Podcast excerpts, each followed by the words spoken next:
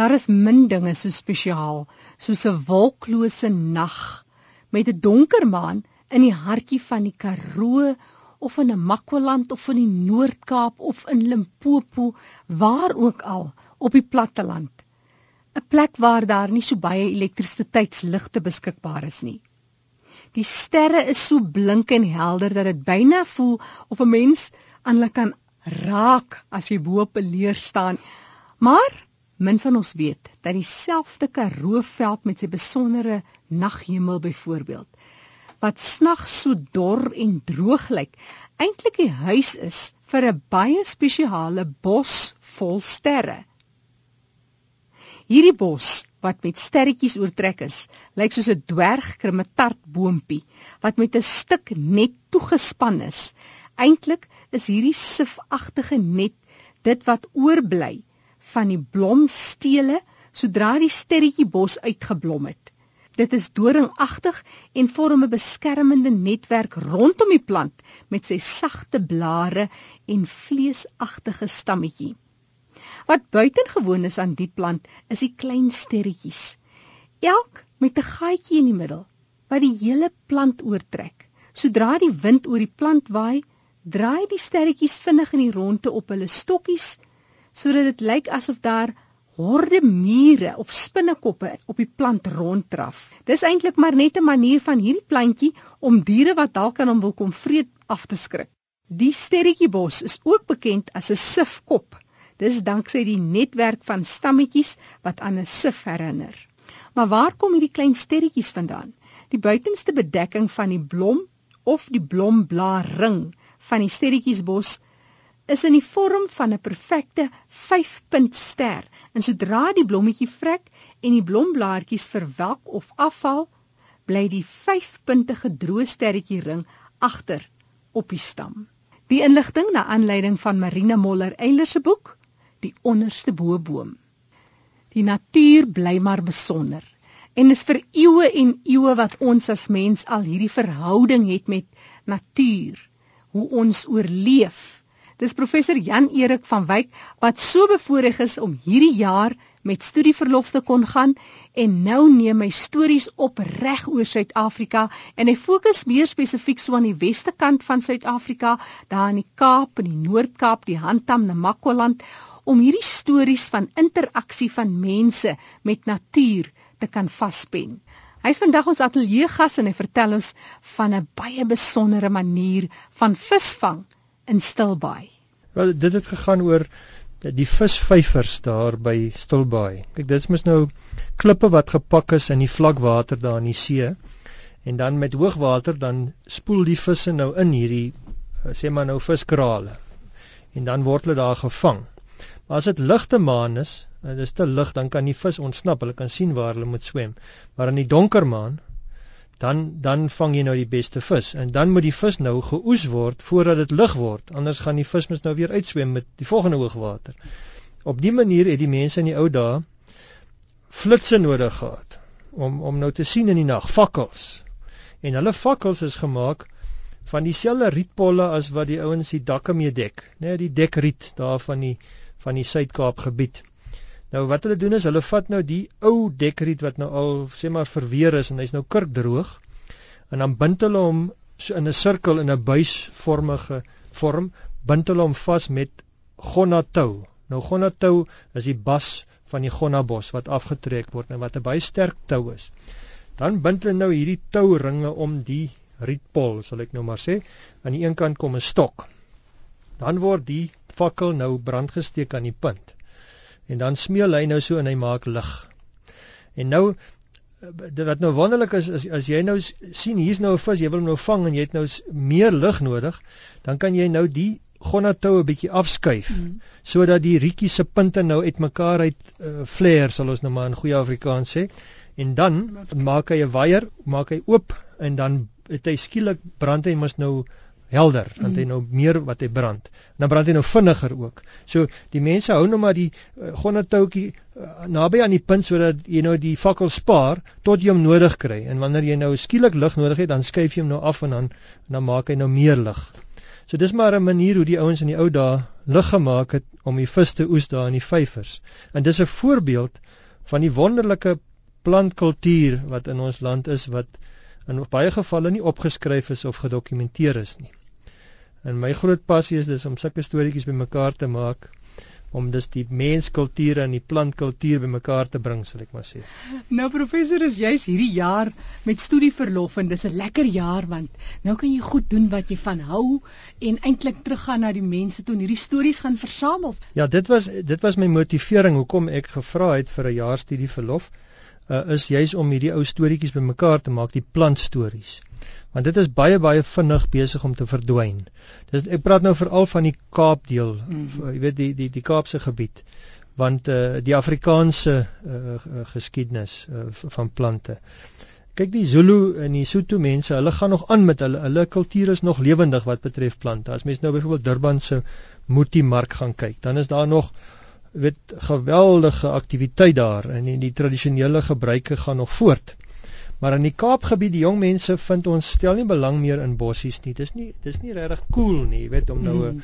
om nou 'n bossie medisyne te gebruik as jy 'n hoofpyn het nie. Jy gaan liewer ter apteek toe en jy gaan kry vir jou 'n pil of iets om te.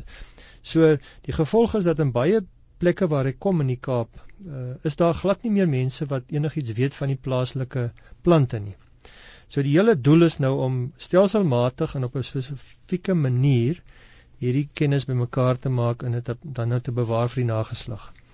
En dit is 'n ongelooflike interessante en 'n en 'n absolute uh, wonderlike geleentheid wat ek het om nou met mense te gaan praat. Is nou niks my so lekker as om in die middel van die Karoo op 'n klip te sit en met 'n professor van die veld te praat oor die bossies nie. Die man kan nie lees en skryf nie, maar hy het 'n diep kennis En ons is dus as ons op die klip sit gelykes wat mm. betref ons kennis van die plante. Ek het nou die wetenskaplike kennis en ek het dalk 'n bietjie 'n breër oorsig want ek weet nou van ander plekke ook, maar baie van hierdie mense is werklik kenners wat is hulle plaaslike plante intiem ken en en die die die geskiedenis van die goed kan vertel en so voort.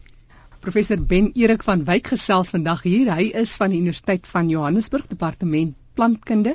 Ons praat so 'n bietjie oor sy werk, sy veldwerk wat hy hierdie jaar doen om te kyk na die plantgeskiedenis van Suid-Afrika, veral meer die Kaapse deel, daar die die westelike deel van Suid-Afrika. Prof, daar's ook mooi stories wat tog kom uit die Handtam en daai wêreld. Was jy daar? Ja, kyk jy agter Handtam is 'n baie baie interessante plek want uh dis ook die plek waar my voorouers te loops sedert 1750 ek sê maar gekoloniseer het. So my pa het in die agterhandam groot geword.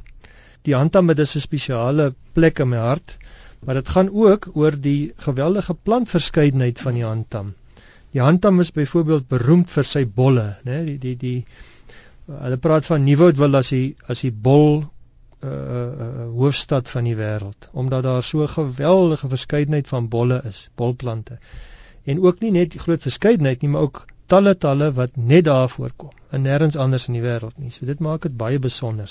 Dis ook hoekom hulle die heel nuutste botaniese tuin in Suid-Afrika is die Handam botaniese tuin. O, dit is by Nieuwoudtville. Direk net suid van Nieuwoudtville. Daar het mense die rooi dirke en die geel dirke en die hongerblommetjies en die al die wonderlike blommetjies van die veld. Maar wat ek nou meer in belangstel daar is is nie soseer die blomme pragt nie, maar die kosbare kennis oor die gebruike van die plante. En ek was gelukkig geweest om uh, Jan Baadjies te ontmoet. Nou Jan Baadjies is 'n bossie dokter. En hy hy so in die 60s, uh, eh, baie fikse man, baie helder van verstand. Hy is opgelei deur 'n legendariese bossie dokter met die naam van Kaitjie Husaar. Dis mooi. En uh, so daar's 'n daar's 'n interessante geskiedenis rondom die Husaars in Kalvinia. In elk geval so uh, ons het dus uh, ek het 'n M student gehad wat 'n studie gedoen het van die agterhandtamse plante. Die die studie is nou voltooi en die man kry môre aan sy graad. O, oh, wonderlik. Hy het, hy het reeds 'n doktorsgraad in opvoedkunde die ou en hy het toe nou so intens belang gestel in die etnobotanie wat ons sê die die plant uh, gebruike dat hy toe nou sommer 'n M by my kom doen het oor die agterhandtamse plante. Wat sou jy uitsonder ten opsigte van die handtam se se gebruike in in terme van die plante en ook daai van medisinale plante? Wat 'n storie sou jy met ons deel? Wel, ek dink die interessantste storie is miskien die die naam van die handtam. Mm -hmm. Handtam beteken wilde malva. Die generiese naam uh, heintam is die generiese naam vir malva. En dis opgeteken deur Simon van Stel toe hy in 1685 'n reis onderneem het na Namakwa-land.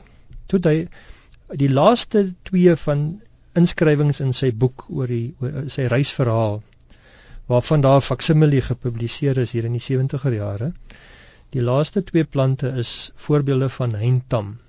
Hy sê die Namakwas noem dit heintam en die Griekwas uh, noem dit ehm um, aree. Uh en dit is dus die soos wat ons nou in die plantkunde praat van Pelargonium. Pelargonium is die generiese naam vir al die verskillende spesies van Malva. So praat die Namakwas of het hulle gepraat van al die verskillende Malvas as heintam. En die Griekwas het gesê aree. Nou hierdie woord aree is in Simon van der Stel se dagboek aangeteken in 1685. Ons het daai woord die eerste keer weer in die agterhandtam gehoor na wat 300 jaar. Is dit nie ongelooflik? Die plaaslike mense praat nog steeds van aree. Mhm. Ehm um, 'n klein seentjie, toe ek hom vra, uh, "Ken jy hierdie plant?" Toe kyk hy so. Nou dis 'n plant wat wat nie in die handtam eers groei nie. Ek het 'n bol saamgebring van hierdie wille malva. Hy het so rooi bloed. Dis die ene wat die hand hom na vernoem is. Hy kom nog by daai storie. Toe sê die seentjie vir my: "Meneer, dit moet seker 'n aree wees." Oh, toe hierdie klein seentjie weet hy van 'n aree. Herken toe hierdie rooi knol as dit moet seker 'n aree wees. Mm -hmm. Nou ja, so die die naam handam kom van eh, die die werklike aree is 'n Pelargonium antidysentericum. Pelargonium antidysentericum. Dis nou die regte heintam of handtam. Die plant is 'n houtagtige struik met dik stamme wat as jy hom skraap, dan is hy bloedrooi. Dit lyk presies soos 'n wond in 'n mens. En dis natuurlik daardie tannine wat wat help vir vir uh, wondgenesing byvoorbeeld en wat ook help vir vir ehm um, diarree. O. En, en ingewande koors. Kyk die die tannine in die plant uh, val mos nou die proteïene aan. Dit dis hoekom 'n mens eh, skoene se leer leer looi met tannine. Want die tannine maak 'n interaksie met die proteïene en denatureer die proteïene. En dan vorm dit 'n digte laag. Nou op dieselfde manier as jy nou tannine drink, tannienryke uh, aftreksel drink, dan reageer die tannine soos 'n gif hmm. met die met die proteïene. Dit maak ook die binneste laagie van jou maag dood. Maar dis ook proteïene.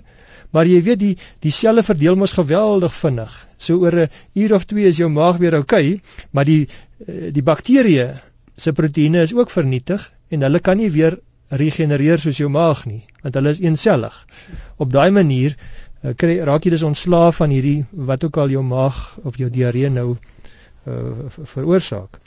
Maar so, dit is net fenomenaal hoe daai mense die insig gehad het dat hierdie goeie so werk. Ja, partykeer is dit natuurlik die die sogenaamde doctrine of signatures. Met ander woorde, eh, die die die, die idee is dat dat die die gebruike van die plant eintlik sigbaar is vir ons. So in die geval byvoorbeeld die rooi wat lyk soos bloed wat uitkom uit die wortel, dui daarop dat dit miskien kan gebruik word vir bloedverwante uh, siektes ensovoorts. Maar ek dink dis 'n dis 'n proses van van eksperimentering ja, dat dat ja. die bossie dokters uh, is natuurlik die intellektueles onder die plaaslike mense. Hulle is die slim mense. en hulle het ook ervaring wat betref siektes en dinge. Ja, ja. En baie keer dan eksperimenteer hulle met met nuwe plante om te kyk of dit werk of nie werk nie. Hulle produk wil se bietjie dan kyk hulle watter reaksie het dit ensovoorts.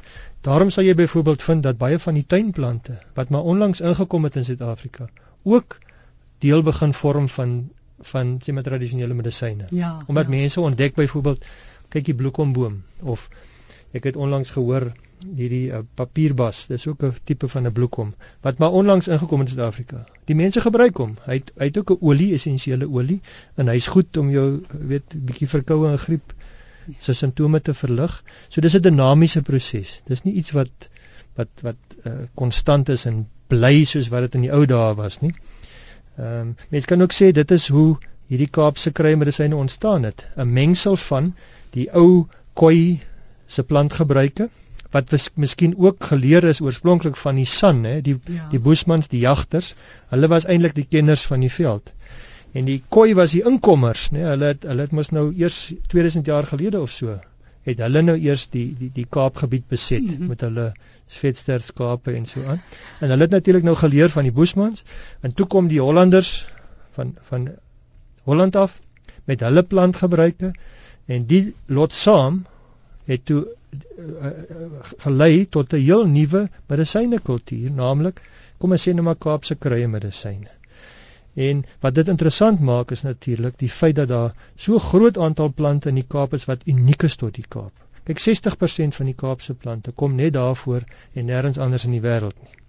So wat ons dus hier het is 'n sameloop van 'n geweldige botaniese diversiteit en 'n geweldige ekstreme uh kulturele diversiteit wat dan nou saam gekom het om hierdie heel nuwe heel kultuur te skep. Ek het eendag gehoor iemand praat van as jy byvoorbeeld na iets soos eie kyk. Nou eie as jy eie skil dan gee jy op trane en jou neus loop en alske goeters en dis eintlik ook die simptome wat jy kry as jy verkoue het. So sou eie dan goed wees vir verkoue. Ja, inderdaad, die die swaalverbindings in eie is goed vir verkoue. Uh, wat eintlik beter is is natuurlik knoffel, né? Nee, knoffel is 'n baie beroemde uh medisyne vir verkoue en allerlei kwale. Daar's iets soos 100 kwale wat jy uh knoffel mee kan behandel. So daai swaalverbindings is definitief uh, antibakteries. Ons het nou 'n wye draai geloop, maar dit was darem besonder hoe dat die naam van die handam eintlik sy ontstaan gekry het nie die die Handamberg was genoem die berg van die rooi bol. Dit was die dit is die verklaring wat gegee word vir die naam. Maar die rooi bol het ek net nou probeer verduidelik is die Willem alfa. Pelargonium antidysentericum. Een van die min plante van die Karoo wat se wetenskaplike naam die medisonale gebruik reflekteer. So die ouens wat hom benaam het, het by die plaaslike mense gehoor, hy help vir disentrie vir ingewande koors of erg diarree en gevolglik het hulle hom genoem Pelargonium antidysentericum. Die stem daarvan professor Ben Erik van Wyk. Hy is van die departement plantkunde dis by die Universiteit van Johannesburg. Hy's die jaar besig met hierdie spesiale taak om al hierdie inligting te in en mense in klein gemeenskappies te besoek om te kyk hoe dat mense tradisioneel met plante omgegaan het.